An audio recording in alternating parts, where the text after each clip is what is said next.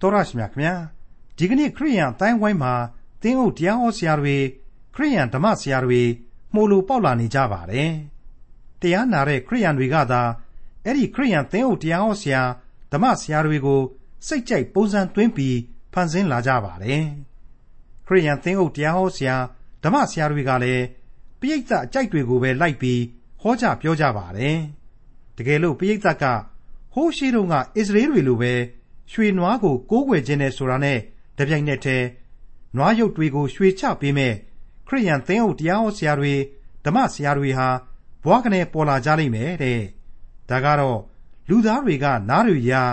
ဟောမဲ့ပြောမဲ့ဆရာတွေကလည်း ဘုံဘော်လော်ဖြစ်လာမယ်ဆိုတဲ့ ခရိယန်သမာကျမ်းရဲ့ ဓမ္မသစ်ကျမ်းပိုင်းတွေကတိမောသေဩဝါဒစာ ဒုတိယဆောင် အခန်းကြီး ၄ အခန်းငယ် ၁ ကနေ အခန်းငယ် ၈ အထိကို ဒီကနေ့တင်ပြရသောတမန်ကျမ်းအစီအစဉ်မှာ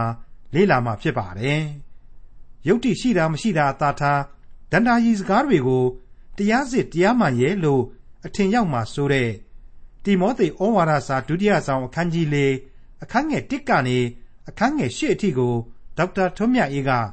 အခုလိုသုံးသပ်ရင်းသတိပေးထားပါတယ်။တင်ပြရသောတမန်ကျမ်းရဲ့မိတ်ဆွေတော်တတ်ရှင်အပေါင်းတို့ခမညာကျွန်တော်မိတ်ဆွေတို့အနေနဲ့ဒီကနေ့အဖို့ကတော့ တိမောသေဩဝါဒစာဒုတိယစာဆောင်အခန်းကြီး၄ကိုဆက်လက်ရောက်ရှိလာပါပြီ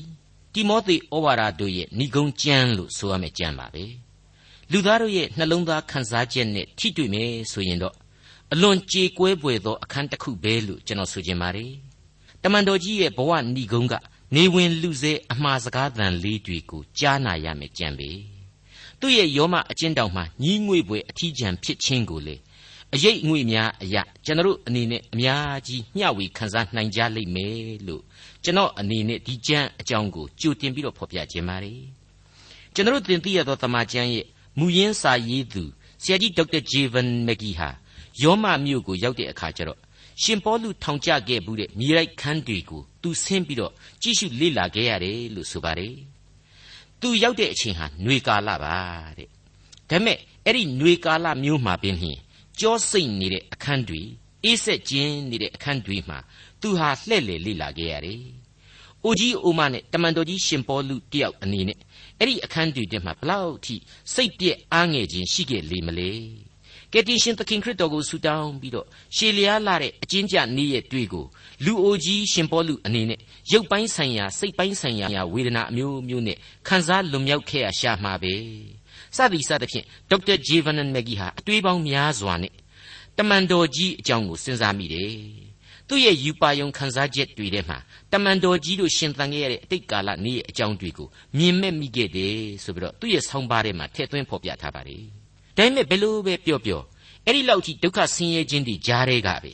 ဝိညာဉ်ရေးသတ္တိကြီးမားစွာနဲ့တိမောသေနဲ့တကွယုံကြည်သူတွေကိုဆုံးမဩဝါဒမပြတ်မကွက်ပြုတ်နိုင်ခဲ့တယ် ယုံကြည်ခြင်းတရားဘက်မှာခိုင်ခံ့စွာယက်တည်နိုင်ခဲ့တယ်။ဘုရားသခင်ကျေးဇူးတော်ကိုချီးမွမ်းထောမနာပြုပြီးတော့ရှေးသန့်ရှင်သူတို့ရဲ့သူရဲကောင်းစိတ်ထားနဲ့ဝိညာဉ်ခွန်အားအပြည့်အဝနဲ့ယက်တည်နိုင်ခဲ့တယ်ဆိုတာတွေ့ကိုပြန်ပြီးတော့ဒေါက်တာဂျေဗန်နန်မက်ဂီဟာစဉ်းစားမိတယ်။တမန်တော်ကြီးတို့ရှေးသန့်ရှင်သူတို့ရဲ့ယုံကြည်ခြင်းစိတ်ဓာတ်ကိုလေများစွာအားကြမိတယ်လို့လေသူဝန်ခံထားတာကိုကျွန်တော်တို့ဖတ်ရပါတယ်။ဟုတ်ပါတယ်မိတ်ဆွေ ဒီကနေ့တိမောသေဩဝါဒစာရဲ့ဏိဂုံးကျမ်းမှာဆိုရင်နောက်ဆုံးသောမှားတမ်းစကားတွေထဲမှာဘုရားသခင်သိစီခြင်းတဲ့လောကသူဘုရားသခင်ဗျာဒိတ်ပြုလို့သောဩဝါဒများစသည်စသဖြင့်သူစီကနေတဆင့်ကျွန်တော်ခန်းစားနားလေကြရအောင်မှာဖြစ်ပါတယ်ကျေးဇူးတော်ကိုအထက်ထက်ချီးမွမ်းလျက်ဒီကနေ့သင်ခန်းစာများကိုစတင်လိုက်ကြပါစို့တိမောသေဩဝါဒစာဒုတိယစာဆောင်အခန်းကြီး၄အငယ်၁နဲ့၂ကိုတော်တိုင်ပေါ်ထွန်း၍နိုင်ငံတော်ထင်ရှားသောကာလ အသက်ရှင်သောသူသေသောသူတို့ကိုစစ်ကြောစီရင်တော်မူသောသခင်ယေရှုခရစ်ရှိမှ၎င်းဖျားသခင်ရှိမှ၎င်းငါသည်သင်ကိုတစ္ဆာပေးသည်ကားနှုတ်ကပတ်တရားတော်ကိုဟောပြောလော့အချိန်ရှိသည်ဖြစ်စေမရှိသည်ဖြစ်စေကြိုးစားအားထုတ်လော့အပြစ်ကိုဖော်ပြလော့ဆုံးမခြင်းကိုပြုလော့အလွန်ရှည်သောစိတ်နှင့်ဩဝါဒမျိုးကိုပေး၍တိုက်တွန်းသွေးဆောင်လော့ဖျားသခင်ရှိတော် ခရစ်တော်ရဲ့ရှေ့တော်မှာပြုသောတစ္ဆာစကားဖြစ်ကြောင်းကိုသူအာမခံလိုက်ပါတယ်ကိုတော်တိုင်ပေါ်ထွန်း၍တဲ့အဲ့ဒီအပိုင်းဟာပထမအပိုင်းဖြစ်ပါတယ်ပြီးနောက်မှမှဆက်လက်ပြီးတော့နိုင်ငံတော်ထင်ရှားသောကာလဆိုပြီးတော့ဒုတိယပိုင်းဟာဆက်နွယ်ပြီးတော့ပါဝင်လာပါတယ်ကိုတော်တိုင်ပေါ်ထွန်းခြင်းဆိုတာဟာဘာကိုဆိုလိုတလဲအသင်းတော်ကိုကြွလာသိမ်းဆည်းခြင်းကိုဆိုလိုပါတယ်နိုင်ငံတော်ထင်ရှားသောကာလဆိုတာကရောဘာကိုဆိုလိုတလဲ ကပ်ကာလတရားစီရင်ခြင်းပြုပြီးတဲ့နောက်သူကိုယ်တိုင်အုပ်ချုပ်မဲ့ကောင်းကင်နိုင်ငံတော်ကိုဆိုလိုခြင်းဖြစ်ပါတယ်အဲ့ဒီလိုခရစ်တော်ကြွလာ၍သိမ်းဆည်းသောအချိန်မှာကျွန်တော်နားမလည်နိုင်လောက်အောင်ကိုကျွန်တော်ရှင်းမပြနိုင်လောက်အောင်ကိုလျင်မြန်စွာတရားတစ်ခုစီရင်ပြီးမှအသင်းတော်ကိုသိမ်းဆည်းလိမ့်မယ်လို့ကျွန်တော်သင်သိရသောတမန်ကျန်အဖွဲ့ကခံယူပါတယ်ဒါဟာပထမအကြိမ်တရားစီရင်ခြင်းဖြစ်လိမ့်မယ်ပြီးနောက်မှမှကပ်ကာလအချိန်မှာသူ့ကိုနောင်တနဲ့တိုးဝင်ချင်းကပ်သူတို့အတွက်နောက်ထပ် တရားသဖြင့်စီရင်ခြင်းတစ်ခုထပ်ပြီးတော့ရှိလိမ့်အောင်မယ်အဲ့ဒါကတော့ဒုတိယအကြိမ်တရားစီရင်ခြင်းလို့ဆိုလို့ရနိုင်ပါလိမ့်မယ်ကျွန်တော်မိษွေတို့ယုံကြည်သူတွေအားလုံးဟာအဲ့ဒီတရားစီရင်ခြင်းတပါးသို့မဟုတ်အခြားတပါးနဲ့တခုခုနဲ့တော့မလွဲမသွေရင်ကိုရင်ဆိုင်သွားကြရလိမ့်မယ်ထိုက်တန်တဲ့ ကောင်းကင်နိုင်ငံတော်ဆိုင်ရာစုကျေးဇူးတော်ကိုခံယူနိုင်ကြစေဖို့ရန်အတွက်အသက်တာအသီးသီးကိုပြုပြင်ပြီးတော့ကျေးဇူးဂရုနာတော်ကိုမျှော်လင့်ဆောင်စားကြရလိမ့်မယ်လို့ကျွန်တော်အနေနဲ့တိုက်တွန်းအားပေးလိုပါတယ်တိမောသေကိုတမန်တော်ကြီးရှင်ပေါလုအလေးအနက်ပြုပြီးမှာလိုက်တာကတော့သင်ကိုငါပေးလို့တဲ့သစ္စာဟာတခြားမဟုတ်ဘူးနှုတ်ကပတ်တရားတော်ကိုဟောပြောလို့တဲ့ဘလောက်ကောင်းလဲလူသားတိုင်းလူသားတိုင်းတောင့်တရတဲ့အပြစ်ငရဲမှလွတ်ရာကောင်းတဲ့ ထာဝရအသက်နဲ့ဆက်ဆိုင်တဲ့ဝမ်းမြောက်ဖွယ်သောဧဝံဂေလိသတင်းလောကရန်ကိုအောင်နိုင်ခြင်းအခွင့်သတင်းစကားဒီသတင်းကိုလူသားတို့ကြားသိဖို့ကြင်ညာပေးရလိမ့်မယ်ဟုတ်ပါတယ်ဒါဟာဘုရားသခင်ကိုတော်တိုင်ရဲ့အင်မတန်ကြီးမားတဲ့အမိန့်တော်ပြန်တန်းအတိုင်းလိုက်နာရခြင်းပါအချိန်ရှိသည်ဖြစ်စေမရှိသည်ဖြစ်စေကြိုးစားအားထုတ်ပါလောတဲ့ဒါဟာတမန်တော်ကြီးရှင်ပေါလုကိုယ်တိုင်ပြနေတဲ့ပြုနေတဲ့ကြိုးစားအားထုတ်ခြင်းကိုထပ်မံဖော်ပြလိုက်တဲ့အတူတူပါပဲ သူခမရမှာအချိန်သိမ့်မရှိတော့ဘူးဆိုတာကိုတမန်တော်ကြီးသူ့ကိုယ်သူသိတယ်အဲ့ဒီကြားတဲ့ကပဲကုတ်ကပ်ပြီးတော့ဘုရားသခင်အမှုတော်တာဝန်ကိုထမ်းဆောင်ပေးနေတယ်ဆိုတာကိုလေဒီဩဝါဒစာအားဖြင့်ကျွန်တော်နားလည်နိုင်ပါတယ်ဟုတ်ပါတယ်ဒီဩဝါဒစာကြီးကိုရေးနေခြင်းသည်ပင်ဖြင့်အမှုတော်ကိုဆောင်ရွက်ခြင်းပြီးတော့အပြစ်ကိုဖော်ပြပေးပါတဲ့မှန်ပါတယ်နှုတ်ကပတ်တော်ကိုကြီးညာခြင်းကိုယ်တိုင်ဟာ လူသားအားလုံးတို့ရဲ့အပြစ်တရားအကြောင်းကိုကြီးညာခြင်းလို့ကျွန်တော်တို့မခံယူတိုက်ဘူးလားအဲ့ဒီလိုအပြစ်တရားကိုကြီးညာခြင်းဟာလေအပြစ်မှလွတ်ရလန်းရှိနေသေးကြောင်းကိုဖော်ပြခြင်းလို့ကြီးညာရခြင်းလို့ကျွန်တော်ဆိုချင်ပါတယ်ပြီးတော့ဆုံးမခြင်းကိုပြုလို့တဲ့ထပ်ပြီးတော့မှာတယ်အဲ့ဒီဆုံးမခြင်းရဲ့အပြစ်တင်ရှုံချခြင်းရဲ့ဆိုတာတွေနဲ့ပတ်သက်ပြီးတော့ကိုလိုရာကိုကိုရှောက်ရှောက်ဆွဲတာတွေအတော်များပါလေကျွန်တော်တွေးမိခေါ်မိတဲ့၍ကတော့မူသေးပုံစံရဲ့လို့မရှိပါဘူး အခြေအနေအချိန်အခါလိုက်ဖြစ်ပါတယ်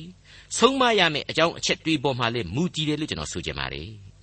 နှုတ်ကပတ်တော်စာမျက်နှာတွေအပေါ်မှာကြည့်မယ်ဆိုရင်လေမတူညီတဲ့ဂန္ဓအပိုင်းအခြားတွေအလိုက်ဆုံးမမှုပုံစံတွေဟာခြားနားနေတာကိုကျွန်တော်တို့တွေ့ရပါတယ်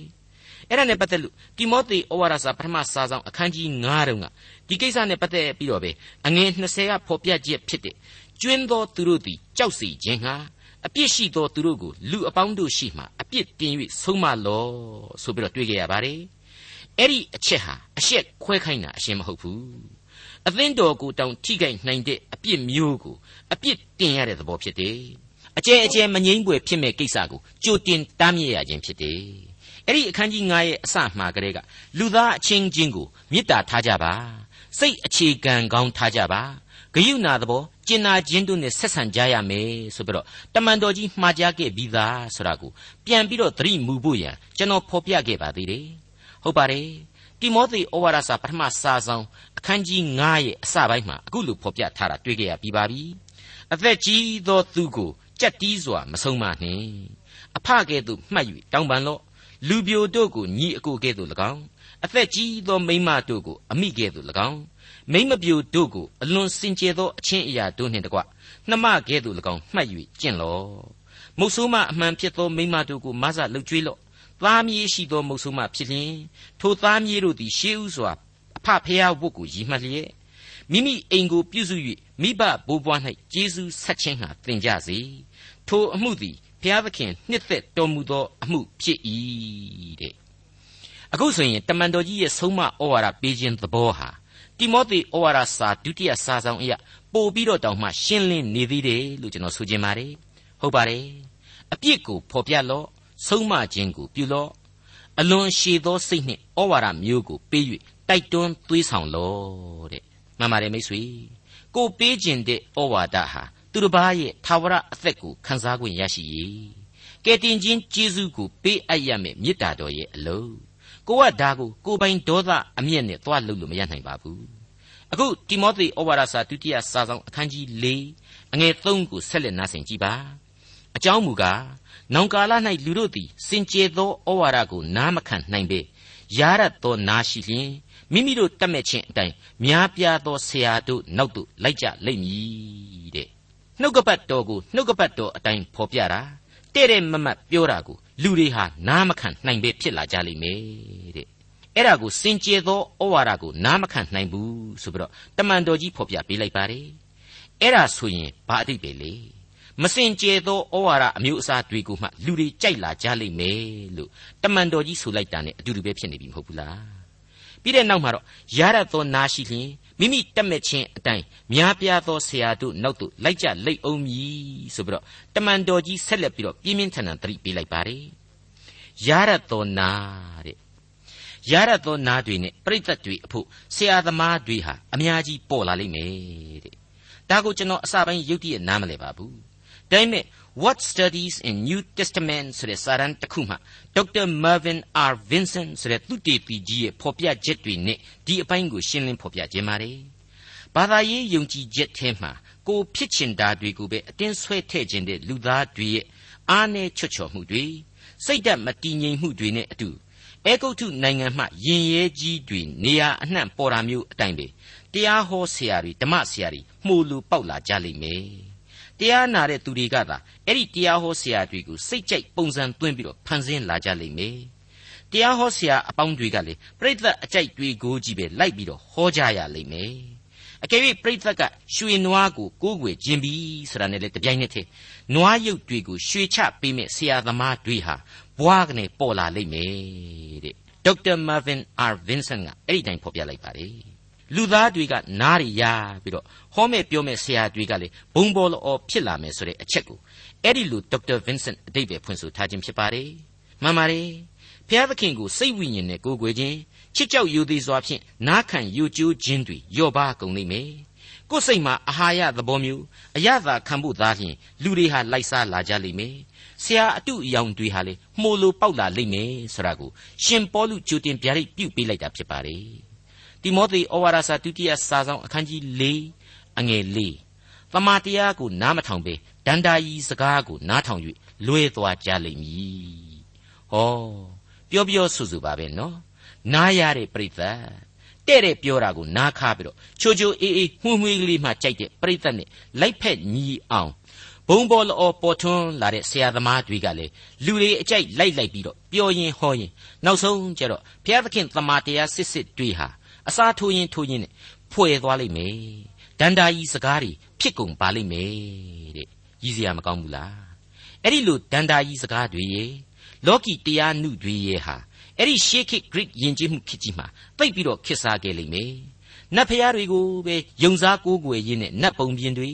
နတ်သမီးဒန္တာကြီးအကြောင်းတွေအဆက်ဆက်စိတ်ကူးတစားဆင်ထားတဲ့အကြောင်းတွေဟာ ပုံပြင်ဝတ္ထုတွေဟာတကယ့်ကိုလူတွေအုံနောက်ထဲမှာဆွဲလန်းကုန်ပြီးတော့အမှန်တကယ်ပဲဖြစ်ခဲ့ဘူးတဲ့ရောင်ရောင်သိမှတ်ဆွဲလန်းခြင်းတွေဖြစ်ကုန်လိမ့်မယ်လို့ကျွန်တော်တွေးတောခံမှတ်မိပါတယ်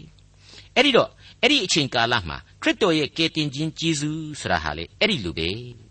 ယုတ်တိယုတ်တာအရှင်းမရှိတဲ့ဇလန်းကလေးတွေနဲ့ရောထွေးကုန်ရင်ကြာလာတဲ့အခါကျတော့အဲ့ဒီယုတ်တိယုတ်တာမရှိတာတွေကိုကပင်လျင်တကယ်တရားစစ်တရားမှန်ရောင်ရောင်ဘာရောင်တွေဖြစ်ကုန်မှကိုစိုးရိမ်လွန်အားကြီးလို့တမန်တော်ကြီးဟာကြိုတင်ပြီးတော့ဗျာဒိတ်ပြုနေတာပဲလို့ကျွန်တော်ခံယူပါတယ်ဟုတ်ပါတယ်သူ့ရဲ့ခေတ်ကာလမှာကိုပဲသူဟာကိုယ်ပိုင်အတွေ့အကြုံအရအဲ့ဒီလိုကပောက်တိကပောက်ချဖြစ်မှာကိုသိပြီးတော့စိုးရင်ခဲ့တဲ့အတွက်လေသူ့ရဲ့ဩဝါဒစာတွေမှာအဲ့ဒီဒန္တာကြီးနဲ့လောကီတရားနုတွေ လောကအပိဓမာတွေကိုအတော်ကြီးပြင်းပြင်းထန်ထန်တိုက်ခိုက်ထိုးနှက်ခဲ့တယ်ဆိုတာကိုကျွန်တော်တို့တွေ့နိုင်ပါတယ်ဥပမာအားဖြင့်ကောလောသဲဩဝါဒစာကိုပြန်ကြည့်ပါကောလောသဲဩဝါဒစာအခန်းကြီး2အငယ်8နဲ့9မှာအခုလိုဖော်ပြထားပါတယ်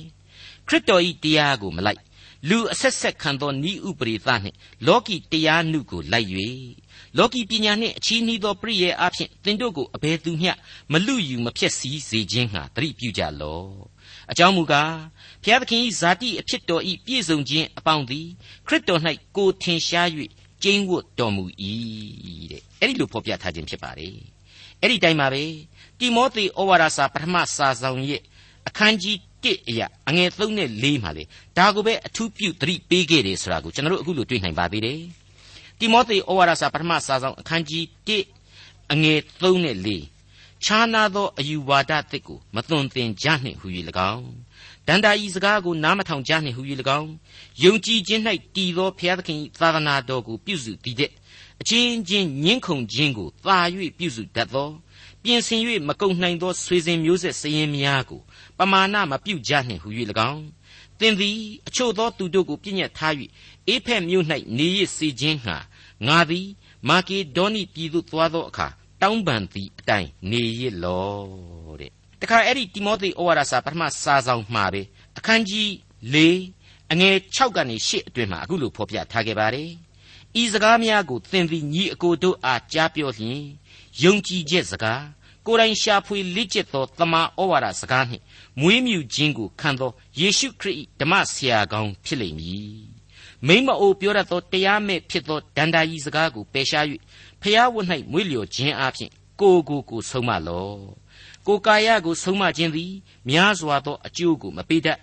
ဖျားဝတ်၌မွေးလျော်ခြင်းမူကားယခုဘဝနောင်ဘဝနှင့်ဆက်ဆိုင်သောဂတိတော်ကိုရသည်ဖြစ်၍တဲ့အဲ့ဒီလိုဖော်ပြထားတာတွေ့နိုင်ပါ रे မိတ်ဆွေအတော်တရှင်အပေါင်းတို့ခမညာ အဲ့ဒီရှေးခေတ်တုန်းကပေါ်ထွန်းပြီးတော့လူသားတွေရဲ့ယုံကြည်ကိုးကွယ်မှုမှားပါအကျိုးသက်ရောက်မှုရှိခဲ့တဲ့ဒန္တာကြီးတွေဆိုတာဟာအခုခေတ်မှာတော့ခေတ်မမီတော့ဘူးအကျိုးမသက်ရောက်တော့ဘူးအဲ့ဒီလူများရောင်လို့တောင်မှမထင်စေခြင်းပါဘူးနော်20ရာစု20ရာစုလျောက်ဆိုသလိုပုံစံသာမသိမသာပြောင်းလဲသွားတယ် ဒန္တာကြီးတွေလောကီတရားနှုတွေလောကီအဘိဓမ္မာတွေဆိုတာဟာကျွန်တော်တို့လူအဖွဲ့အစည်းအတွင်းမှာဝိုင်းဝိုင်းလေအောင်ရှိနေမြဲပဲလို့ကျွန်တော်တို့နားလည်ထားဖို့လိုပါတယ်အခုအချိန်မှာ new morality လို့ပြောနေတဲ့ဇရိတ္တပိုင်းဖောက်ပြန်ယိုယွင်းမှုတွေနှုတ်ကပတ်တော်တွေကသိပ္ပံအတွေးအခေါ်တွေနှုတ်ကပတ်တော်တဲကိုသိပ္ပံအတွေးအခေါ်တွေသွတ်သွင်းသွတ်သွင်းမှုကြီးတွေငွေအဓိကမူဝါဒနဲ့နှုတ်ကပတ်တော်ကိုမထီမဲ့မြင်ပြုခြင်းကြီးတွေ ခရစ်တော်ရဲ့ဒုတိယအကြိမ်ကြွလာတော်မူခြင်းဆိုတာကိုဗေဒင်များတွက်တယ်လို့တွက်ပြီးတော့စိတ်ကူးတစားဆင်ခြင်းမျိုးတွေဟာလေအဲ့ဒီလိုဒန္တာကြီးစည်ရင်တဲကိုထည့်သွင်းရမှာပဲလို့ကျွန်တော်ပြောချင်ပါတယ်အခုချိန်မှာတော့တမန်တော်ကြီးဟာသူ့ရဲ့အသင်းတော်များအတွက်ပခုံးပြောင်းတာဝန်ကိုယူရမယ်တပည့်တော်လေးတိမောသေကိုအဲ့ဒီလိုဖောက်ပြန်လန်းလွဲခြင်းအရှင်းကင်းမဲ့စေခြင်းတယ်အနာဂတ်ရေးအတွက်ယင်လေးပွဲဖြစ်နေရတဲ့အသင်းတော်တွေကိုသူ့ကိုယ်စားစွန်းစွန်းတမန်စောင့်ကြပ်ပြုစုစေခြင်းတယ်ဆိုတာကို သူ့ရဲ့စိတ်အတွင်းထဲမှာဘလောက်ထိဆန္ဒပြင်းပြနေတယ်ဆိုတာဟာထင်ရှားပေါ်လွင်လွတ်နေပါပြီ။ဒါကြောင့်မို့လဲတိမောသေဩဝါဒစာဒုတိယစာဆောင်အခန်းကြီး၄ဟာအငယ်9အရာအခုလိုဆက်လက်ဖော်ပြပေးလိုက်ပါတယ်။သင်မူကားအရာရာ၌တမာတိရှိစေလော့ဆင်းရဲဒုက္ခကိုသီးခံလော့သာသနာပြုဆရာဆောင်ရွက်ရသောအမှုကိုဆောင်ရွက်လော့ဓမ္မဆရာအရာ၌ခံထား၍ပြုရသောဝတ်များကိုအကုန်အစဉ်ပြုလော့မိတ်ဆွေ တမန်တော်ကြီးအခုလိုမှားကြားနေတာကအတိတ်ပဲအလွန်လေးနဲ့ကျယ်ဝန်းနေပါတယ်တမန်တော်ကြီးဟာသူ့ဘဝဏီကုန်းချုပ်တော့မယ်လောကသက်တမ်းဖြင့်ကုံတော့မယ်ဆိုတာကိုသိတဲ့အတွက်ကြောင့်မှားကြားနေတာပဲဆိုတာကိုကျွန်တော်ရှင်းလင်းလွယ်ကူစွာသဘောပေါက်နိုင်ပါတယ်အခုအချိန်မှဆိုရင်လေအငယ်6ကနေ8ဟာအခုလိုဆက်လက်ဖော်ပြပေးလိုက်ပြန်ပါတယ်အကြောင်းမူကားငါကိုရစ်ပေါ်မှလောင်းရသောအချိန်ရှိပြီစုတည်ရသောအချိန်ရောက်လေပြီ ကောင်းစွာသောတိုက်လှန်ခြင်းကိုငါပြုပြီးပြေးရသောလမ်းကိုအဆုံးတိုင်အောင်ပြေးပြီယုံကြည်ခြင်းတရားကိုစောင့်ရှောက်ပြီးယခုမှစ၍ဓမ္မတရဖူသည်ငါအဖို့သိုထားလျက်ရှိ၏ထိုနေ့ရက်၌တရားသဖြင့်စီရင်သောသူဒီဟုသောသခင်ဖျားသည်ထိုတရဖူကိုငါ၌အပေးတော်မူမည်ထိုမျှမကပေါ်ထွန်းတော်မူခြင်းကိုတောင့်တသောသူအပေါင်းတို့၌လေအပေးတော်မူမည်မိတ်ဆွေတို့တတ်ရှင်အပေါင်းတို့ နှုတ်ကပတ်တော်မှာတော့အလွန်အလွန်ရင်သိမ့်တုံပွေသောကြမ်းပိုက်တွေပဲဆိုတာကိုမိษွေတို့သိကြမှာပါခံစားထိတွေ့နိုင်ကြမှာပါခရိယန်သုတ်တန်ကြီးတွေကသွားလေသူပေါင်းများစွာတို့ရဲ့အုတ်ဂူတွေအပေါ်မှာကြည့်လိုက်မယ်ဆိုရင်အခုကျမ်းထဲကအချက်ကလေးတွေမြောက်များစွာကိုကျွန်တော်တို့ပြန်ပြီးတွေ့ရပါတယ်ကောင်းစွာသောတိုက်လှန်ခြင်းကိုငါပြုပြီးပြေးရသောလမ်းကိုအဆုံးတိုင်အောင်ပြေးပြီးယုံကြည်ခြင်းတရားကိုစောင့်ရှောက်ပြီး စတဲ့ကျမ်းတူကလေးများကိုအပိုင်းလိုက်ကလေးတွေခွဲပြီးတော့ကိုချစ်ခင်လေးစားတဲ့ယုံကြည်သူအပေါင်းတို့ရဲ့အုပ်ကူတွေမှာကပီးတင်မှတ်တမ်းထိုးကြတာတွေအများကြီးရှိတာကိုတွေ့ရပါတယ်။ကပီးစာအနေနဲ့သိပ်ပြီးသတိမပြုတ်မိပေမဲ့ဆွဲလောက်အောင်ရှိတဲ့အချက်ကတော့အအပေါ်ဆုံးမှာရှေ့တန်းစာသားအဖြစ်တမန်တော်ကြီးတင်ထားတဲ့အချက်တစ်ခုပါပဲဟုတ်ပါတယ်ကပီးစာအနေနဲ့သိပ်ပြီးတော့မကြော်ကြားလှတဲ့ဝေါ်ဟာရမကြော်ကြားလှတဲ့ဝက်ကြဒါပေမဲ့ဝိညာဉ်ရေးအရာသိပ်ပြီးတော့အရေးကြီးတဲ့ဝက်ကြ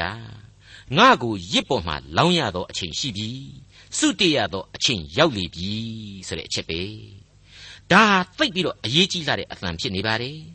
ဝိညာဉ်ရေးအတိတ်ပဲဟာလေအလွန်အလွန်ကြွယ်ဝပြည့်စုံနေတယ်လို့ကျွန်တော်ဆိုချင်ပါတယ်တမန်တော်ကြီးရှင်ပေါလုဟာသူ့အနေနဲ့အသက်ရှင်နေတာဟာခရစ်တော်နဲ့အသက်ရှင်နေခြင်းပဲဖြစ်တယ် သေသွားရမယ်ဆိုရင်တောင်မှပို့ပြီးတော့တောင်မှအကျိုးရှိလိမ့်အောင်မယ်စုတည်၍ခရစ်တော်၌အတူနေခြင်းအတွက်ငါအထူးတောင့်တမိတယ်ဆိုပြီးတော့ဖိလိပ္ပိဩဝါဒစာမှာကျူးရင်ခဲ့သေးတယ်ဆိုတာကိုမိษွေတို့မှတ်မိကြမယ်ထင်ပါတယ်ဖိလိပ္ပိဩဝါဒစာအခန်းကြီး1အငယ်16ကနေ23အတွင်းမှာအခုလိုအကျယ်တွင်ပြန်ပြီးတော့တွေ့နိုင်ပါတယ်အဘယ်သို့နည်းဟုမူကားငါသည်အရှင်းရှက်ကြောက်ခြင်းမရှိရဲရင်ခြင်းနှင့်ပြည့်စုံ၍အသက်ရှင်သည်ဖြစ်စေ သေသည်ဖြစ်စေငါကိုယ်ခန္ဓာ၌ခရစ်တော်သည်အစင်မပြတ်ဂုံအသရေထင်ရှားတော်မူတကဲ့သို့ယခုပင်ထင်ရှားတော်မူမည်ဟုငါမျှော်လင့်အားကြီး၍တောင့်တသည်နှင့်အညီသင်တို့ဆုတောင်းသဖြင့်၎င်းယေရှုခရစ်၏ဝိညာဉ်တော်မဆသဖြင့်၎င်းဤအကြောင်းအရာသည်ငါကိုကယ်တင်သောအကြောင်းအရာဖြစ်မည်ဟုငါသိ၏ငါအသက်ရှင်သည့်အရာမှာခရစ်တော်ဖြစ်သေလျင်မူကားသာ၍အကျိုးရှိ၏ ဤကိုခန္ဓာ၌ငါသည်အသက်ရှင်လျင်ငါပြုသောအမှု၏အကျိုးကထိုသို့သောအကျိုးဖြစ်၏သို့တော်လည်းအဘယ်အကျိုးကိုရွေးယူရမည်ဟုငါမသိထိုအကျိုးနှစ်ပါး၏အကြား၌ငါသည်ယခုကျင်းမြောင်းစွာနေရ၏စုတည်၍ခရစ်တော်နှင့်အတူနေခြင်းဟာတောင့်တလိုခြင်းသောစိတ်ရှိ၏သာ၍အလွန်ထူးမြတ်သောအကျိုးဖြစ်၏တဲ့အဲ့ဒီလိုသေခြင်းတရားအပေါ်မှာအမြင်ရှိထားနှင်ခဲ့တဲ့ ဝိညာဉ်ရေးသူရေကောင်းတမန်တော်ကြီးဟာသူ့ရဲ့သေခြင်းကိုယ်တိုင်ဟာအသက်တာကိုခရစ်တော်အတွက်ရှင်သန်ခဲ့သလိုခရစ်တော်အတွက်သွန်းလောင်းရာပူဇော်သက်ကာအဖြစ်သူခံယူနိုင်တယ်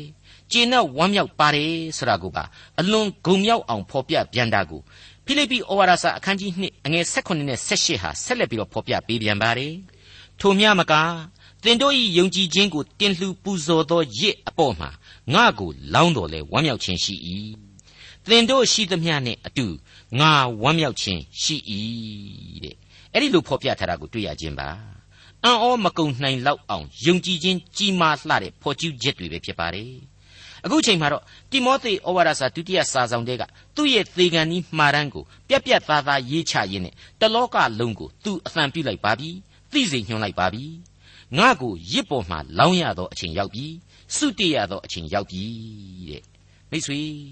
ယောမအချင်းတောင်ကခေါင်းဖြတ်ဆက်ကိုသူမြင်မဲ့နေပြီဆိုတာသိသာပါတယ်တယောက်ပြီးတယောက်ခေါ်ထုတ်သွားတဲ့အချိန်မှာသေရမယ့်လူသားတွေရဲ့ငိုရှိုက်သံတွေအသနာခံတောင်းပန်တဲ့အသံတွေလဲဆင်းထားတဲ့တရားခံအပေါ်မှာဓာတ်ဆက်ကြီးကိုဒိုင်းငနဲ့ခလုတ်ဖြုတ်ကြတဲ့အသံတွေကိုသူဟာသူ့ကိုလှောင်ထားတဲ့မြေလိုက်ခန်းကလေးကနေပြီးတော့သွေးပြက်ဖွယ်ဟာလှမ်းပြီးကြားရမှာပဲလို့ကျွန်တော်တွက်ဆပါတယ်အများအဖြစ်မပြန်လန်းလို့ခေါ်ရမယ်အဲ့ဒီသေမင်းကြိုက်မှာသူစုတည်ရတော့မယ်သူသိတယ် ဒါပေမဲ့အဲ့ဒီလိုစုတည်ရခြင်းဒီကဘင်းဖြင့်သူ့အဖို့မပြန်လန်းမဟုတ်ဘူးဘုရားသခင်ရဲ့အိမ်တော်ကိုသွားရတဲ့အိမ်ပြန်လန်းလို့သူအခိုင်အမာခံယူထားတယ်သူ့ရင်ထဲမှာတစ်ချိန်ကခရစ်တော်ကိုဆန့်ကျင်ရေးသမားကြီးဘဝမှာသူကိုယ်တိုင်ခေါင်းဆောင်ပြီးတော့တထေဖန်ဆိုတဲ့လူကလေးကိုခဲနဲ့ပေါက်တတ်ခဲ့ရတဲ့အကြောင်းတွေတထေဖန်ရဲ့သေအံ့မူမူသွေးတွေလူးနေတဲ့အချိန်အထက်အရက်ကိုမျှော်ကြည့်ပြီးတော့အိုးအဖာဒီလူတွေရဲ့အပြစ်တွေကိုခွင့်လွှတ်ပါ သခင်ယေရှုကျွန်တော်ကိုရုပ်သိမ်းခေါ်ဆောင်ပါဆိုတဲ့အသံပလန်တွေအဲ့ဒီဖြစ်ရတွေကိုပြန်တွေးနေမိမှာအသေးချာပဲလို့လည်းကျွန်တော်ဆိုချင်ပါတယ်ဒါရင်ဘေကအောင်မလဲအင်မတန်အယုတ်ဆိုးအကြီးတန်တဲ့အသေးခံခြင်းနဲ့ကယ်တင်ရှင်သခင်ကိုတော်တိုင်ကားတိုင်ပေါ်မှာအသွေးသွင်းခဲ့ရဘုံတွေအဲ့ဒီသွေးတွေဟာရှေးကာလအဆက်ဆက်လူသားတွေကိုအပြစ်အတွက်သွန်းလောင်းရာရစ်ကောင်တိုးငယ်ရဲ့သွေးတွေနဲ့အတူတူပဲလောကသားတွေရဲ့အပြစ်များကိုဆေးကြောပေးတဲ့သွေးတွေပဲ ကယ်တင်ခြင်းကျေးဇူးတော်ကိုပြုတော်မူတဲ့အသွေးတော်ပဲဆိုတာတွေ့ကိုသူစဉ်းစားတွေးခေါ်မိမှာအမှန်ပဲလို့ကျွန်တော်ခံယူပါတယ်ဒီလိုခံယူနိုင်တာနဲ့အမျှသူ့ယင်ထဲမှာခေါင်းပြရမယ်သူဟာတကယ်တော့သွန်းလောင်းရာပူဇော်သက်ကာဆိုတဲ့ခရစ်တော်အတွက်ပူဇော်သက်ကာတစ်ခုအဖြစ်လောင်းလှူရသောလူသားပဲတနည်းအားဖြင့်ခရစ်တော်ရဲ့ဘုန်းတော်နဲ့နာမတော်ကိုထင်ရှားစေဖို့ပဲဆိုတာကိုသူနားလည်လာလိမ့်မယ်မိတ်ဆွေအပေါင်းတို့ပြည့်ညတ်တော်မှာသွန်းလောင်းရာပူဇော်သက်ကာဟာ သီးသန့်ပူဇော်သက်ကာဖြစ်ပါတယ်ထွတ်မြောက်ရာကျမ်းဝတ်ပြုရာကျမ်းတွေမှာအလွန်သီးသန့်ကြစွာဖော်ပြထားတဲ့ပူဇော်မှုတရက်ဖြစ်တာကိုကျွန်တော်တို့တွေ့နိုင်ပါတယ်အဓိကရစ်ကောင်အပေါ်မှာမှစပြည့်ရည်အစရှိတဲ့အရေးကိုအဆုံးသတ်မှာအပေါ်ကသွန်းလောင်းလိုက်ခြင်းအပြင်ဒီပူဇော်တက်ကဟာချက်ချင်းဆိုသလိုအငွေ့ပြန်ပြီးတော့လွင့်ပါကွယ်ပြောက်သွားရတယ်ရစ်ကောင်ရဲ့အပေါ်မှာထပ်ဆင့်ဂုံပြုထောမနာပြုရာရောက်တဲ့အထူးပူဇော်သက်ကာပဲဆိုတာကိုကျွန်တော်တို့နားလည်နိုင်ပါတယ်မှန်ပါတယ် တမန်တော်ကြီးရဲ့အသက်တာမှာခရစ်တော်အတွက်အချိန်အပြည့်အဝအမှုထမ်းခဲ့ပြီးပြီအစေခံခဲ့ပြီးပြီအခုအချိန်မှာတော့အိုမင်းရင်ရောနေတဲ့အဖိုးအိုကြီးဘဝမှာခရစ်တော်အတွက်အပိသက်တင်လှူပူဇော်မယ်ဆိုတဲ့အတိတ်ပဲအဖြစ်ငါကိုကိုရစ်ပေါ်မှာလောင်းရသောအချိန်ရောက်ပြီလို့သူအခိုင်အမာကြွေးကြော်လိုက်ခြင်းပဲဖြစ်ပါတယ် ဒီလိုတမန်တော်ကြီးရဲ့အသေးခံခြင်းဟာဓမ္မသမိုင်းကခရစ်တော်ရဲ့ကျေးဇူးတော်နဲ့ကယ်တင်ခြင်းတရားအကြောင်းကိုလူသားတိုင်းယုံကြည်လက်ခံဖို့ရန်အတွက်အေယာမတွန်းအားစုကြီးဖြစ်စေခဲ့တဲ့အတွက်အမှန်တကယ်ပဲသူလိုလူတစ်ယောက်ရဲ့ဝိညာဉ်လွင့်ပြန်ခြင်းဟာတန်ဖိုးမဖြတ်နိုင်အောင်ရှိခဲ့ပါကြောင်းလေးစားစွာတင်ပြလိုက်ပါတယ်ဒေါက်တာထွန်းမြတ်၏စီစဉ်တင်ဆက်တဲ့တင်ပြတော်တမချန်းအစီအစဉ်ဖြစ်ပါတယ်နောက်တစ်ချိန်အစီအစဉ်မှာခရိယန်တမချန်းရဲ့ဓမ္မသစ်ကျမ်းပိုင်းတွေက တိမောသေဩဝါဒစာဒုတိယဆောင်အခန်းကြီး၄အခန်းငယ်၉ကနေအခန်းငယ်22အထိကိုလေ့လာမှာဖြစ်တဲ့အတွက်စောင့်မျှော်နားဆင်နိုင်ပါတယ်။